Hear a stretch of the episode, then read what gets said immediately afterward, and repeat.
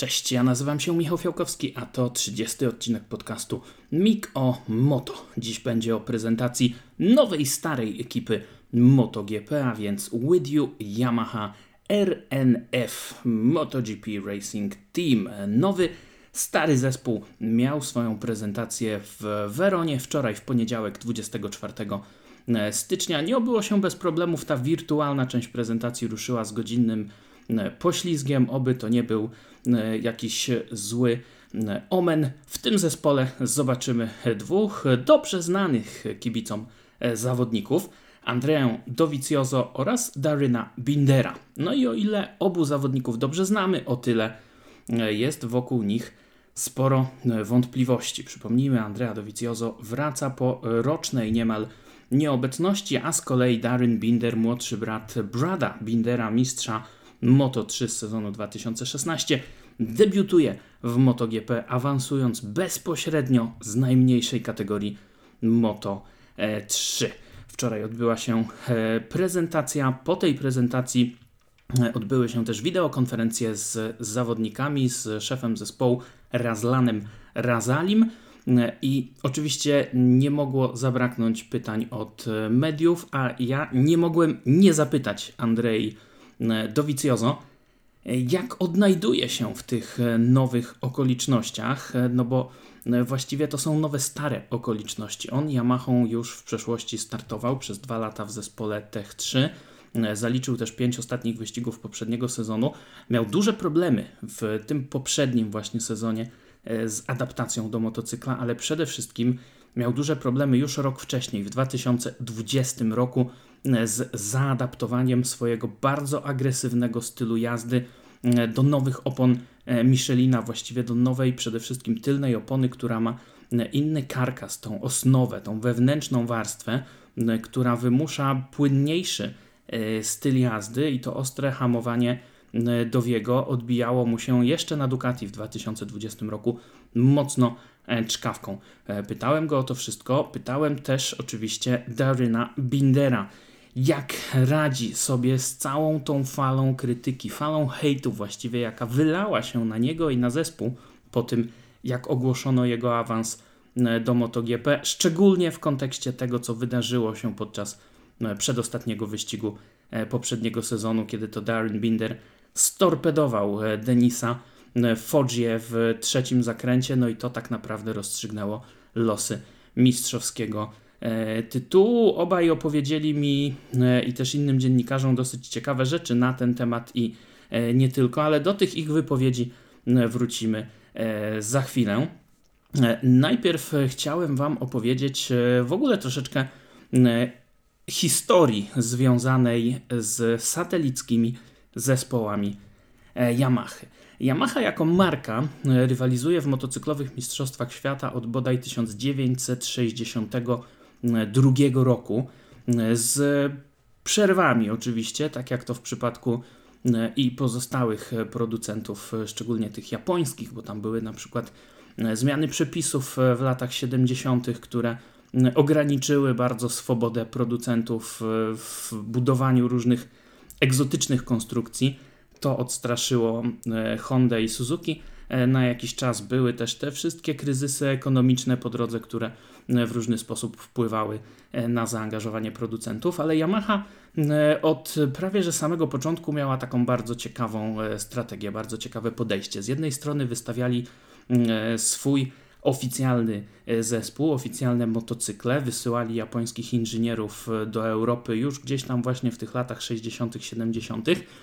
Później zdali sobie sprawę, że właśnie w dobie tych kryzysów jest to e, drogie, jest to nieekonomiczne. E, zaczęto e, współpracować z mechanikami z Europy, ale też zaczęto właśnie sprzedawać silniki, sprzedawać motocykle niezależnym ekipom.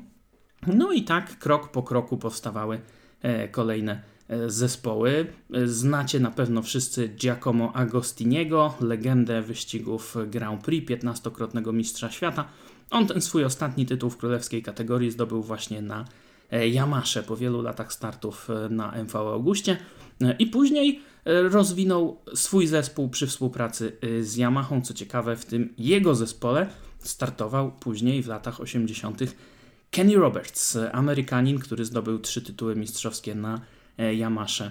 Właśnie Kenny Roberts po tym jak zakończył karierę zawodniczą stworzył swój własny zespół Roberts Yamaha i to był ten oficjalny zespół e, Yamahy e, w latach 80., 90. W tym zespole jeździł Wayne Rainey. On zdobył także trzy tytuły na początku lat 90., później niestety ta fatalna kontuzja, fatalny wypadek na torze w Mizano, złamany E, kręgosłup e, Wayne Rainey sparaliżowany, zniknął z padoku na, jakiś czas, ale e, też po wielu rozmowach z Sir Frankiem Williamsem, szefem zespołu Williams w Formule 1, który także był już wtedy sparaliżowany po wypadku samochodowym, Wayne Rainey znalazł taką motywację, wrócił do padoku i objął stery właśnie zespołu Yamaha w latach 90. W tym czasie były też niezależne E, zespoły w królewskiej kategorii, bo e, mieliśmy ekipę e, Red Bulla już wtedy, pod koniec lat 90., prowadzoną przez Nowozelandczyka Petera Clifforda, zresztą do dzisiaj z Red Bullem związanego. Gary McCoy, wszyscy pamiętacie te uślizgi na Phillip Island. I w tym samym czasie też Yamaha była zaangażowana w kategorię 250, zresztą przez lata. I właśnie na początku E, dekady na początku lat 2000, po tym jak e, zdominowali kategorię 250, e, francuska ekipa Tech 3 awansowała do MotoGP i ona wtedy stała się takim zespołem prywatnym numer jeden wspieranym przez Yamaha. Peter Clifford się wycofał, tam później jeszcze była próba stworzenia własnego motocykla bazującego na R1, ale tym zespołem takim pierwszym współczesnym, można by powiedzieć, już w tej nowej formule MotoGP e, prywatnym, satelickim zespołem wspieranym przez Yamaha był właśnie Team e, Tech 3 e, plus oficjalny zespół już wtedy wystawiany typowo przez Yamaha z centralą też w Europie. Zresztą to zaangażowanie dealerów różnych też w poprzednich dekadach było było spore. E, I wtedy właśnie na początku lat 2000 do Yamaha dołączył Davide Brivio, dołączył Valentino Rossi. Oni tam wygrywali, rozwijali tę konstrukcję, dostawał to wszystko Hervé Poncheral później, e, wystawiał ten prywatny zespół. Ale wszystko zmieniło się w 2018 roku, kiedy zespół Tech 3 poinformował, że kończy współpracę z Yamahą, zostanie zespołem wspieranym przez KTM-a. Hervé Poncheral wiele razy podkreślał, że brakowało mu trochę tego wsparcia, że on jednak czuł, że był tym zespołem e, trochę w specyfikacji B, że te motocykle to były zawsze trochę starsze maszyny, nie, były tych, nie było tych nowych części, nie było tylu inżynierów, a on chciałby jednak stworzyć coś e, większego. Stąd współpraca z KTM-em e, i no, jak ta współpraca wychodzi, to możecie sami ocenić, ale nie zmienia to faktu, że zrobiło to pewne otwarcie i nagle okazało się, że mamy dwie prywatne jamaszki do e, zgarnięcia. No i tutaj pojawia się Razlan Razali, członek zarządu toru e, Sepang w Malezji, który wystawiał ekipę w Moto 3, w Moto 2. Razlan Razali razem z malezyjskim Petronasem postanawia dołączyć do MotoGP. Wystawiają zespół wtedy już właśnie w trzech kategoriach Dwa pierwsze sezony bardzo udane, zaskakujący taki ruch. Wybierają debiutanta Fabio Quartararo, wielką wschodzącą gwiazdę jeszcze z czasów Moto 3, ale zawodnika, który nie błyszczał zupełnie w Moto 2. Obok niego Franco Morbidelli, no i co się okazuje, Fabio Quartararo, jak wiecie, przez te dwa sezony w barwach Petronasa e, walczy o tytuł, staje na podium, wygrywa wyścigi, no po prostu szokuje absolutnie E, wszystkich. Awansuje e, do fabrycznego zespołu na sezon 2021. Zamienia się praktycznie miejscami z Valentino Rossim. Do Petronasa przychodzi właśnie e, Valentino Rossi, ale ten jego ostatni sezon okazuje się mocnym rozczarowaniem. Przez pandemię nie ma też w kalendarzu Grand Prix Malezji. Na wyścigi nie można wpuszczać często kibiców, nie można wpuszczać gości, więc cała ta współpraca zaczyna mieć dla Petronasa coraz mniejszy sens. Tym bardziej, że nie mogą właśnie tej mocy marketingowej Valentino Rossiego wykorzystać. Jego wyniki też są słabe. A do tego wszystkiego Razlan Razali bardzo ostro negocjuje nowy kontrakt z Petronasem. Ma tam spore oczekiwania, wymagania. Tam podobno też jakieś personalne konflikty były pomiędzy nim a członkami zarządu Petronasa. No i kończy się to tak, że pod koniec poprzedniego sezonu Petronas mówi: Niestety nie przedłużamy umowy, nie będziemy dalej sponsorować zespołu. No i w tym momencie zespół tak naprawdę się rozpada, bo to wszystko było finansowane niemalże w całości przez Petronasa. Ale Razlan Razali na szczęście się E, nie poddaje i postanawia stworzyć nowy, stary zespół od e, podstaw. E, część ekipy, która pracowała tam z Valentino Rossim, przyszła właśnie z Valentino Rossim i razem z nim odeszła do tego nowego zespołu VR46. Część mechaników, szczególnie ta ekipa, która pracowała z, właśnie z Morbidellim, z szefem mechaników Ramonem Forcadą, oni wszyscy zostają. Zostaje Wilko Zellenberg, który jest byłym zawodnikiem, który prowadził zespół Yamaha w supersportach, kiedy Cal Crutchlow zdobył tam e, mistrzostwo, który pracował z Jorge Lorenzo w Yamasze w MotoGP. Jest taką szarą eminencją, ale jest świetny, jeśli chodzi właśnie o takie sprawy typowo e, zawodnicze. Wilko Zellenberg dołączył do zespołu Petronasa właśnie kiedy ten projekt e, powstał. To też taka oznaka tego, jak duże zaufanie Yamaha miała do tego projektu. I Wilko Zelenberg zostaje, e, rozstał się natomiast z ekipą Szwed Johan Stigefeld, także były zawodnik, który e, kiedyś miał swój zespół w Superbajkach, jeździli tam John Hopkins, Leon Haslam, później Stigi właśnie przeniósł się do padoku MotoGP. I dla Petronasa prowadził cały ten zespół w Moto3, w Moto2. Co ciekawe, w 2011 roku, kiedy E, razem z Grzegorzem Jędrzejewskim komentowaliśmy Grand Prix Czech e, z toru w Brnie. Zabrakło już dla nas wtedy kabiny komentatorskiej. Komentowaliśmy z takiego kontenera, w którym były e, dwa stanowiska. To wtedy wszystko jeszcze w czasach sportklubu się działo. I w tym kontenerze za ścianką obok nas dla szwedzkiej telewizji komentował E, te wyścigi w tamten weekend właśnie Johann Stigefeld, więc w 2011 roku był jeszcze e, takim e, komentatorem z doskoku można powiedzieć, bo też chyba nie wszystkie rundy tam komentował. Później wziął się za ten projekt Petronasa, no a w tej chwili niestety musiał z, rozstać się z Razlanem Razalim i Wilko Zelenbergiem.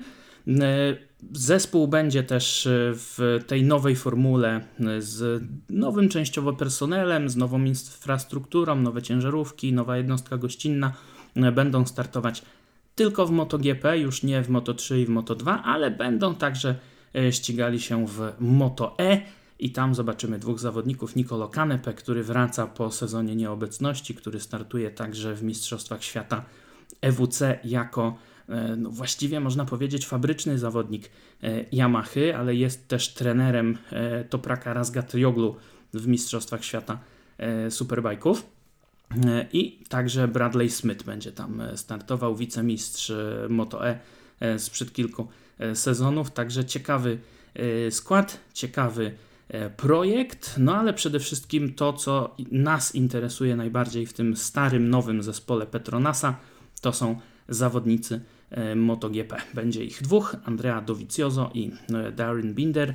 E, Andrea Dovizioso dosiądzie motocykla w specyfikacji 2022, więc taka sama maszyna jak w te motocykle w fabrycznym garażu, motocykle Fabio Quartararo i Franco Morbidellego, chociaż różnie może tutaj być z aktualizacjami, a z kolei Darren Binder dosiądzie motocykla w rocznej specyfikacji. W praktyce to będzie ta maszyna Fabio Quartararo z poprzedniego sezonu, mistrzowska. E, maszyna, no ale nie jest tajemnicą, że też trochę na ten motocykl Fabio Quartararo rok temu narzekał. E, Andrea Dovizioso, o nim jako e, pierwszym ma 35 lat, będzie w tym sezonie najstarszym zawodnikiem w stawce, to będzie jego 20 sezon w Mistrzostwach Świata Grand Prix. trzy razy zdobył wicemistrzostwo w tej królewskiej kategorii, 15 razy stawał na szczycie podium, ale tak jak już mówiłem rok temu, miał krótką przerwę. Andrea Dovizioso z, w 2004 roku zdobył tytuł Mistrza Świata klasy 125, startował wtedy na Hondzie e, i razem z Hondą awansował wtedy e, do kategorii 250.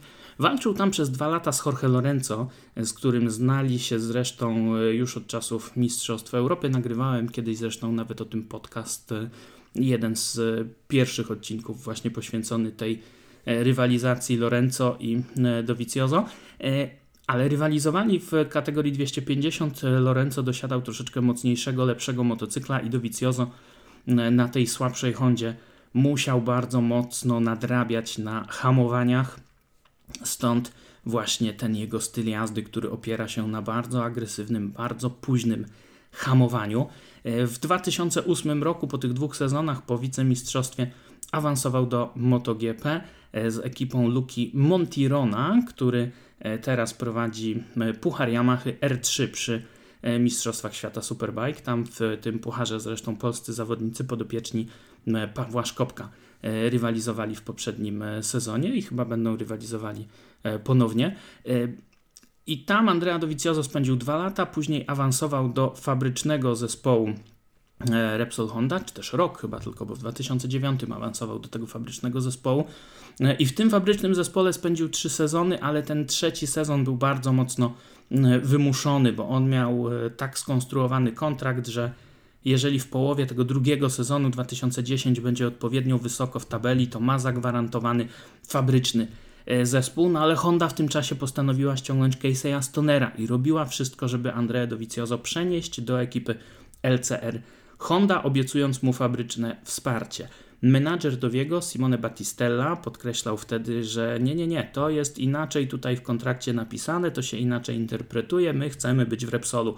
No i to był ten nietypowy sezon, kiedy trzech zawodników startowało w Repsol Hondzie, Pedroza, Stoner i e, Dovizioso. Dovizioso poradził sobie lepiej niż Pedroza, który tam po drodze też nabawił się kontuzji, no, opuścił końcówkę sezonu, ale oczywiście e, już miejsca dla Andrei w Repsolu nie było. Co prawda Honda nadal chciała go zostawić e, w swoich szeregach, chcieli go ściągnąć do ekipy LCR, ale Andrea Dovizioso się trochę obraził i postanowił zmienić barwy. I co ciekawe, dołączył do zespołu właśnie Monster Yamaha Tech 3 do prywatnej satelickiej ekipy e, Yamaha, gdzie zarabiał podobno raptem 300 tysięcy euro e, rocznie, co nijak się miało do tych milionowych gaż proponowanych przez zespoły fabryczne.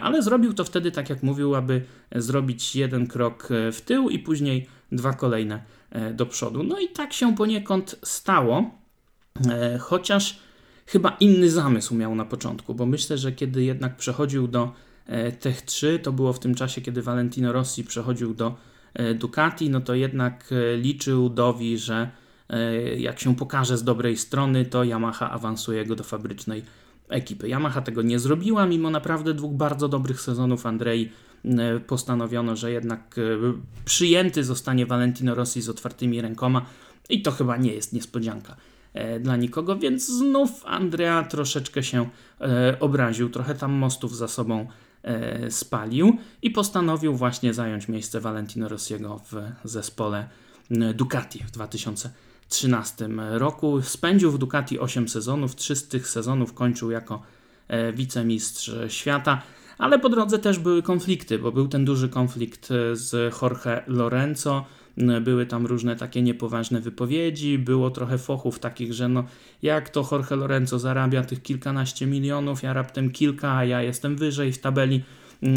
Później e, Lorenzo odszedł do Repsol Hondy, do, przyszedł do Ducati Petrucci, na początku było wspaniale, później tam też był jakiś mały konflikt e, z Petruccim, Dovizioso rzucał rękawiczkami w boksie w Aragonii, bo się Petrucci zanim wyholował do Q2 e, i tak dalej i tak dalej. No i mimo tych trzech tytułów wicemistrza, mimo naprawdę całej masy pięknych pojedynków z Markiem e, Marquezem, Andrea Dovizioso jednak postanowił w połowie 2020 roku zaskoczyć wszystkich i powiedzieć ustami swojego menadżera, że on w ogóle nie będzie siadał z Ducati do żadnych rozmów, tylko on im dziękuję za współpracę i za rok z nimi już startować e, nie będzie. Podobno tak mocno się pokłócił z Gigim Dalinią, że e, w ogóle nie rozmawiali przez większość tego ostatniego sezonu Andrzej Dovizioso e, w Ducati. No ale miał Dowi już wtedy właśnie inne i większe problemy, bo właśnie tym problemem była zmiana opon, o której mówiłem na początku, ten nowy zmieniony karkas, osnowa, ta wewnętrzna warstwa opony o zupełnie innej charakterystyce, zmieniła balans tych opon, zmieniła wymagania względem stylu jazdy i to wszystko sprawiło, że Andrea Dovizioso miał z tym bardzo duże e, problemy. Co ciekawe, no on nie jest jedynym zawodnikiem, który jeździ jakoś e, agresywnie. Nie był jedynym agresywnym zawodnikiem na Ducati, bo przecież Jack Miller e, jeździ podobnie ale jednak Dowi nie był w stanie się odnaleźć e, na tej, na tej kombinacji, na tych nowych oponach. E, romansował, flirtował przez chwilę z Aprilią, e, testował ten motocykl. Mówiło się, że może w tym poprzednim sezonie wystartuje w Aprilii. Zdecydował się jednak, aby tego nie robić. No ale kiedy w połowie sezonu pojawiła się ta okazja, aby zastąpić tutaj Franco Morbidellego, który awansował do zespołu fabrycznego, bo z fabryki odszedł Vinales, no to wówczas e, Andrea Dovizioso wykorzystał tę szansę, startował, pamiętajmy, na dwuletnim właściwie motocyklu. Słabo to bardzo e, wyglądało. On podkreślał, że potrzebuje czasu, musi się tego wszystkiego od nowa gdzieś tam nauczyć, ten styl jazdy jest inny niż na Ducati i tak dalej, ale też ewidentnie było widać, że wciąż ma problemy z tymi e, oponami. E, no ale tak czy inaczej, mamy André Dovizioso e, ponownie w Ducati, e, w Ducati, w Yamasze oczywiście.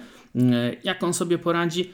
Na pewno nie jest przyszłościowym zawodnikiem dla Yamahy, bo ma 35 lat. Mam wrażenie, że jest takim troszeczkę wypełniaczem na chwilę. Kto w kolejnym sezonie może Toprak Razgatlioglu. O tym też rozmawiałem wczoraj z Nicolo E, kanepą.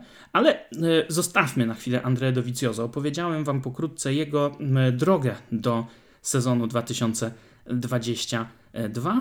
Pora na drugiego e, zawodnika. Darren Binder, młodszy brat Brada Bindera. Brat jest fabrycznym zawodnikiem KTM do 2024 roku. Darren ma na, na karku 23 lata, ale na swoim koncie E, niestety ma niewiele sukcesów, bo przez 7 lat startów w kategorii Moto 3 tylko 6 razy stał na podium, e, raz tylko wygrał wyścig 2 lata temu, e, a najwyższa jego pozycja w klasyfikacji generalnej to jest siódme miejsce. I o ile Jack Miller to jest drugi, jedyny zawodnik w historii, który przeszedł z Moto 3 prosto do MotoGP, E, to Jack Miller wtedy walczył o tytuł, wygrywał wyścigi, był wy wicemistrzem i naprawdę miał papiery na ten awans. Darren Binder tych papierów e, nie ma, ewidentnie, e, ale też musimy pamiętać, że rzadko miał dobre motocykle, jest wysoki, jest ciężki, e, małe raczej ma szanse tutaj ze swoją posturą, postawą na to, aby e, walczyć w czołówce Moto 3, więc ten awans do Moto 2 byłby raczej wskazany. I taki był plan, kiedy on dołączył do Petronasa. Ten plan się zmienił, kiedy Petronas się wycofał, ale Razlan Razali chciał dać szansę Binderowi. Moje pierwsze wrażenie było takie, że szkoda, e, że tej szansy nie dostał Iker Lekłona, bo ja go bardzo e, cenię ale też y, nie chciałbym hejtować, tak jak y, wiele osób y, po tych ostatnich wyścigach poprzedniego sezonu. Owszem, Darren Binder miał takie mm, wpadki, miał te kolizje, miał zderzenia z rywalami, takie kontrowersyjne e, momenty, ale pamiętajmy o tym, że Fabio Quartararo też przechodził do e, MotoGP po totalnie rozczarowujących dwóch sezonach w Moto2. Podobnie było z Jonasem E, Folgerem, a mimo wszystko obaj byli w MotoGP naprawdę szybcy. Ok, e, Folger miał problemy mm, trochę innego e, typu, problemy zdrowotne, ale też myślę gdzieś tam nie poradził sobie z presją. Natomiast Fabio Quartararo poradził sobie kapitalnie i dzisiaj jest obrońcą tytułu, a tę szansę pierwszą otrzymał właśnie od Razlana Razaliego, więc dajmy Darynowi czas, poczekajmy E, co nam pokaże. On będzie dosiadał tego starszego motocykla, więc znów będzie miał trochę trudniejsze zadanie. No i też niestety obawiam się, że nie jest y, jakimś super perspektywicznym zawodnikiem Darren Binder, szczególnie dla Yamahy, bo przecież ma brata w konkurencyjnym zespole, a wiemy, że jak Alex Marquez chciał awansować do MotoGP, no to fakt, że brat Mark jeździ w Repsol Hondzie, zamknął mu drzwi do e, Yamahy właśnie, więc jak to tutaj będzie wyglądało, czy ma tutaj perspektywy na jakąś długą karierę Darren Binder? No ma swoją szansę, ma swoje 5 minut, zobaczymy jak je e, wykorzysta. E, to by było na tyle, jeśli chodzi o sylwetki tych dwóch zawodników. Tak jak mówiłem, już była ta wczoraj prezentacja, po niej były E, konferencje, wywiady z zawodnikami, ale też z szefem zespołu Razlanem e, Razalim i tutaj kilka takich ciekawych smaczków, które e, Razlan Razali nam powiedział. O tym, że mamy tam duże zmiany w zespole, to już Wam mówiłem. Oni chcieliby, aby Dovizioso E, walczył o tytuł, aby Darren Binder walczył o tytuł debiutanta roku. E, chcieliby też zostać najwyżej sklasyfikowanym zespołem niezależnym, też aby ich zawodnik był najwyżej sklasyfikowanym e, zawodnikiem niezależnym. Razali twierdzi, że będzie łatwiej bez tego ciężaru związanego ze startami w Moto 2 i w Moto 3, ale to wcale nie oznacza, że będzie łatwo. No i teraz robi się ciekawie, bo zespół R NF e, ma umowę e, z Yamahą tylko na jeden sezon. E, to wszystko kwestia wymogów, jakie ma Yamaha względem swoich partnerów. Traktują tę ekipę właściwie jako startup, bo to jest nowa w ogóle firma, która powstała pod koniec ubiegłego roku, więc te wszystkie sprawy formalno, jakieś pewnie księgowo-finansowe, takie procedury ma Yamaha, że takie nowe firmy nie mogą podpisywać jakichś długoletnich umów. Stąd umowa tylko e, na rok i w czerwcu Razlan Razali razem z Yamahą mają usiąść do stołu i porozmawiać o e, przedłużeniu tej współpracy. Czy znów na rok, czy na dłużej, to się okaże.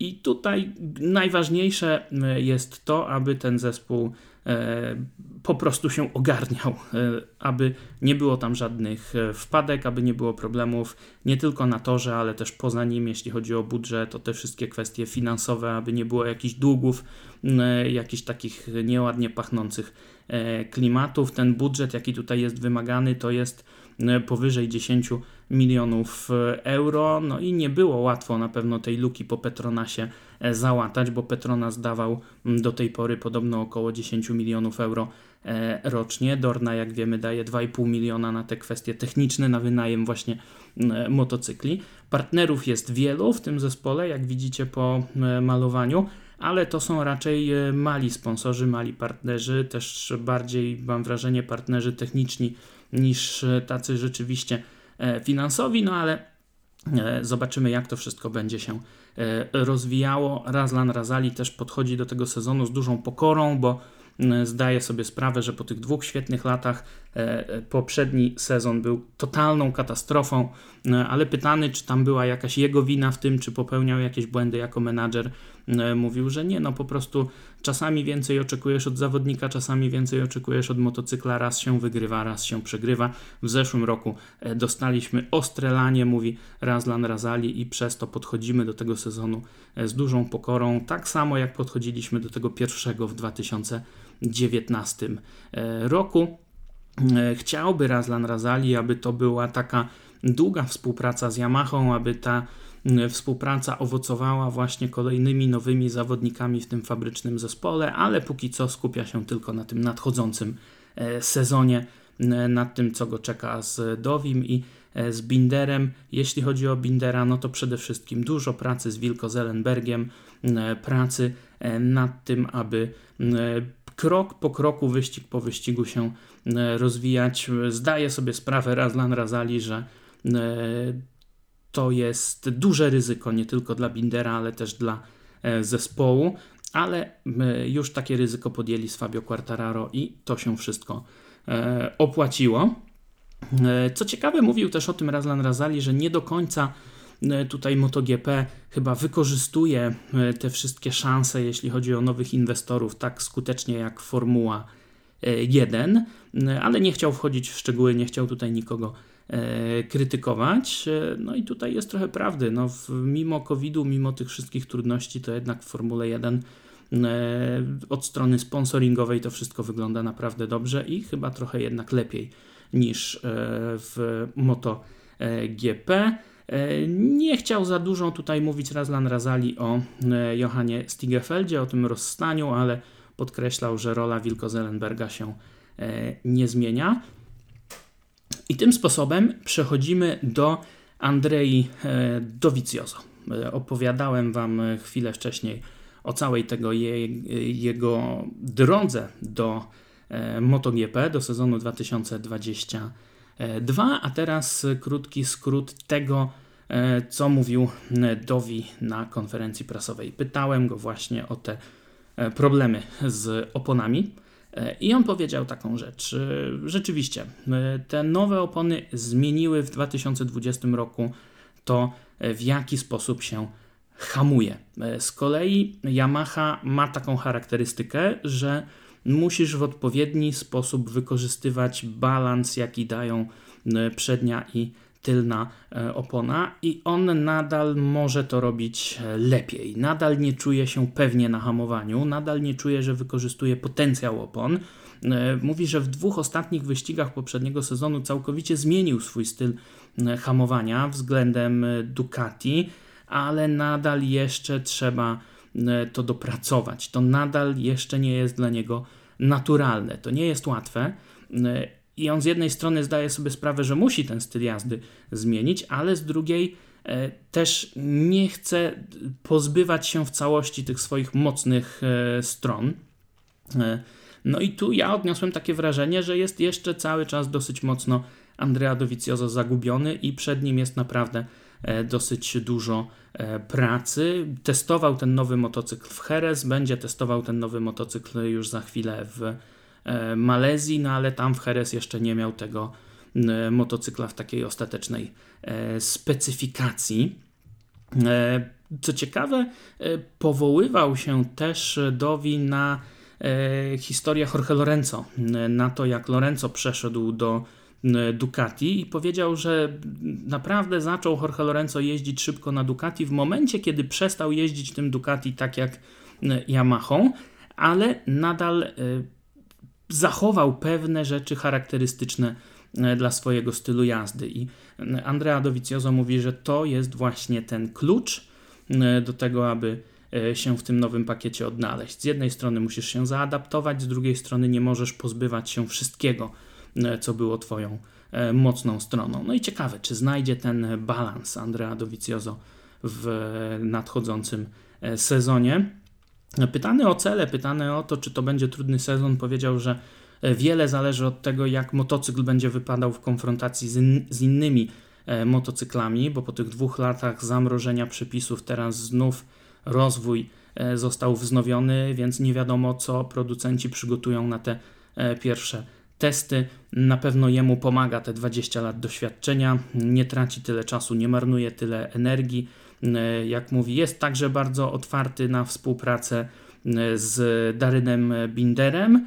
E, co ciekawe, trochę na inny temat pytał go Grzesiek Jędrzejewski z Polsatu o Dakar, czy widzi swoją przyszłość na pustyni. E, bo przecież jeździ na krosówce, też regularnie trenuje, e, ale Dowi powiedział, że nie, że nie jest aż tak szalony, e, aby startować w Dakarze, natomiast jest pod wielkim wrażeniem tego, co zrobił Danilo Petrucci, gratulował mu po tym zwycięstwie odcinkowym, ale też może nie, nie zaskoczyło go to, bo zaskoczyło go to, ale nie był aż tak zdziwiony, bo on z Petruccim wiele razy trenował, na krosówce i po prostu wiele razy na tej krosówce dostawał od niego baty, więc doskonale sobie zdawał sprawę, jak dobry jest Danilo Petrucci w terenie. E, no i na koniec to chyba najważniejsze e, pytanie – co dalej? Czy ten sezon będzie e, ostatni dla Andrzej Dovizioso? Dowi powiedział, że na pewno nie chciałby, aby to był rok nauki e, i on e, jednak chciałby od razu tutaj rzeczywiście, tak jak mówi Razlan Razali, walczyć o wyniki, ale czy tak się stanie, nie wiadomo. Natomiast podchodzi do tego sezonu Andrea tak jak to miałby być jego ostatni sezon. I nie mówi tego dlatego, że, że nie chce mówić o przyszłości, tylko mówi wprost. Nie mam kontraktu na kolejny sezon i dzisiaj nawet nie chcę go mieć, bo nie wiem, jaki będzie ten tegoroczny motocykl e, Yamahy, czy będę konkurencyjny. Jak będę konkurencyjny, to się będę dobrze bawił. Jak nie będę konkurencyjny, to nie będę się dobrze bawił. A w moim wieku, jak się nie będę dobrze bawił, no to nie ma sensu tutaj w tym MotoGP dłużej siedzieć. Także myślę, że to będzie dla Andrei Dovizioso naprawdę ważny e, sezon. Pytany jeszcze później przez włoskich dziennikarzy, Dowi powiedział, że jego zdaniem faworyci w tym sezonie to jest e, Peko Baniaja, Mark Marquez, Fabio Quartararo i Jorge Martin. E, co ciekawe, no ale też wszyscy zwrócili uwagę na to, że Andrea pojawił się na prezentacji w kasku bez logo swojego sponsora, a przecież startował przez lata w kaskach Słomi. Tam było trochę też kontrowersji w 2019 czy 2020 roku, kiedy wprowadzono te nowe przepisy E, dotyczące homologacji kasków, e, to ten konkretny model, ten konkretny rozmiar Dowiego e, nie miał tej homologacji, więc on mimo tej naklejki na kasku jeździł w innej, w kasku innej marki. Nie wiem, czy to miało jakiś wpływ. Pytany o to, dlaczego tam nie ma żadnej naklejki, powiedział, że on ma taką umowę z producentem kombinezonów Alpine Star, że ta umowa jakby obowiązuje go od stóp do głów. Nikt tego nie kupił, też jak to Dowi mówił, to się trochę uśmiechał i przewracał oczami, więc e, tutaj myślę, że jeszcze coś się może wydarzyć w e, trakcie tego sezonu. Może tutaj jakieś zmiany e, będą. No i to by było na tyle, jeśli chodzi o André Dovizioso. Ja jestem ciekaw, co on pokaże. To jest taki zawodnik z cyklu nawet nie zawsze drugi, tylko trochę zawsze czwarty, bo zawsze byli ci kosmici, Stoner, Lorenzo Pedroza i Dovizioso zawsze z nimi walczył, ale zazwyczaj niestety przegrywał. Podobnie było też z Markiem e, Marquezem później. Jeżeli byłby w stanie dotrzymać im kroku i walczyć w pierwszej piątce, to myślę, że to byłby naprawdę dobry e, sezon i to byłby sukces. No, nie sądzę, że będzie w stanie walczyć o mistrzowski tytuł. To piąte miejsce to naprawdę byłaby rewelacja, tym bardziej, że stawka jest bardzo mocna. No a jak nie będzie go w pierwszej dziesiątce, to myślę, że to będzie taki sezon poniżej oczekiwań i może być tym ostatnim sezonem Andrei Dovizioso w kategorii MotoGP. I to by było na tyle teraz już definitywnie, jeśli chodzi o e, Dovizioso. E, na koniec e, został nam jeszcze Darren Binder, prawie na koniec. Darren Binder, jak już mówiłem, ma 23 lata. Ten poprzedni sezon był bardzo kontrowersyjny w jego wykonaniu. Była ta kolizja z Denisem Foggią w Portimao, była masa hejtu. E, no zresztą on nie jest jedynym zawodnikiem z RPA, na którego się e, fala hejtu wylała tej zimy. Jeśli śledzicie też sporty samochodowe, to Kelvin van der Linde, który zresztą z braćmi Binderami sobie trenował zimą w serii DTM, zapisał się taką, taką mało chlubną historię, kiedy to storpedował swojego głównego E, rywala do tytułu Liama Lawsona. E, Lawson przez to tak naprawdę tytuł stracił. Mistrzem został Maxi e, Getz, Niemiec w Mercedesie, też trochę w kontrowersyjnych okolicznościach po serii Team Orders.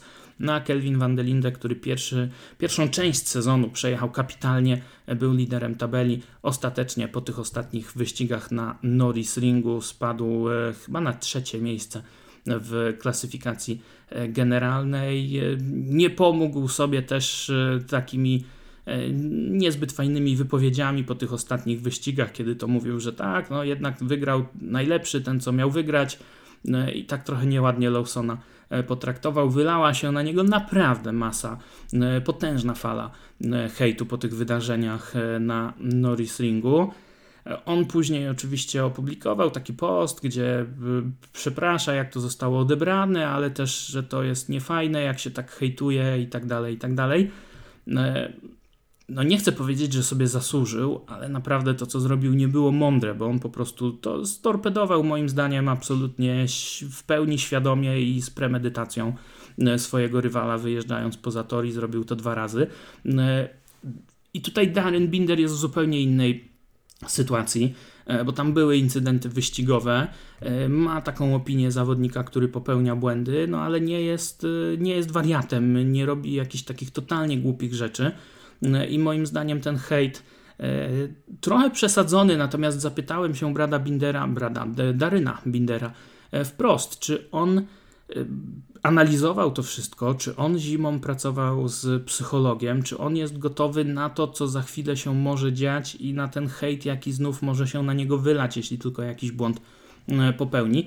Mm, on powiedział krótko. Po pierwsze, każdy chce jeździć w MotoGP, to jest spełnienie marzeń. Jak dostajesz taką szansę, no to byłby głupi, gdyby jej nie wykorzystał. Wolałby oczywiście iść przez Moto 2 e, do MotoGP, ale takiej szansy się nie dostaje e, wielokrotnie, więc cieszy się, e, że idzie do MotoGP, przyjął tę ofertę, nie, nie zastanawiał się nad tym jakoś specjalnie. Ten cały hejt nie robi na nim jakiegoś specjalnego wrażenia. On odcina się troszeczkę od e, tego. Ma wrażenie, że to zostało właśnie e, nieco rozdmuchane, nieco za bardzo e, nadmuchane, napompowane i kompletnie ma to w nosie. Trochę inne słowa, tutaj innych słów użył, ale mówił, że z zawodnikami rozmawiał, że to, co oni gdzieś tam w mediach mówią, chyba też trochę wyrwane z kontekstu było, bo nikt go w padoku jakoś specjalnie nie hejtował i zaczyna ten sezon e, jako czystą kartkę e, papieru i ma nadzieję, że e, czeka go fajna walka i w ogóle się tym niespecjalnie przejmuje, czy go ktoś lubi, czy go ktoś nie lubi. I takie podejście akurat mi się bardzo podoba. Ono nie było aroganckie, ale było takie, ok, wy sobie tam gadajcie, ja będę robił swoje. Ważniejsze rzeczy były związane z tym aspektem fizycznym. Psychologa, tudzież trenera mentalnego Darren Binder nie ma, ale zmienił trenera kondycyjnego, zmienił e, sposób przygotowania fizycznego, aby mieć większą siłę. E, jeździł na R1, aby przyzwyczaić się do większego e, motocykla, więcej trenował na siłowni, no i ma nadzieję, że to wystarczy. Był też pytany o brata, oczywiście. Mówił, że mieszka razem z bratem i chciałby go pokonać na torze, że tak naprawdę to jeszcze nigdy nie walczyli razem w Mistrzostwach Świata, bo e, jak brat e, zdobywał te największe sukcesy, odnosił największe sukcesy w Moto 3, to on tam dopiero zaczynał, miał nie najlepszy motocykl, no i najbliżej, gdzie brata był, to jeden wyścig, który brat wygrał, a on był czwarty, ale gdzieś tam daleko, daleko z tyłu, więc jeszcze nigdy sobie nie powalczyli. Na pewno liczy, że powalczą. E, i to byłoby fajne. Natomiast jeżeli już miałby się kogoś pytać o jakieś porady, to e, prędzej e, Andrea Dovizioso, no bo to jest ten sam zespół i ten sam motocykl i tutaj jest więcej takich cech wspólnych niż w przypadku Brada Bindera, chociaż z bratem też sobie rozmawiają. I na koniec jeszcze taką bardzo ciekawą rzecz powiedział Brad, zapytany przez Wala Carunciego z The Race, czy trochę jednak mimo tego hejtu widzi tak, taką nadzieję dla siebie, no bo było kilku zawodników, którzy e, spędzali w Moto 2 bardzo mało czasu i szybko przechodzili do e, MotoGP, tak jak teraz Raul Fernandez, wcześniej Vinales, wcześniej Alex Rins.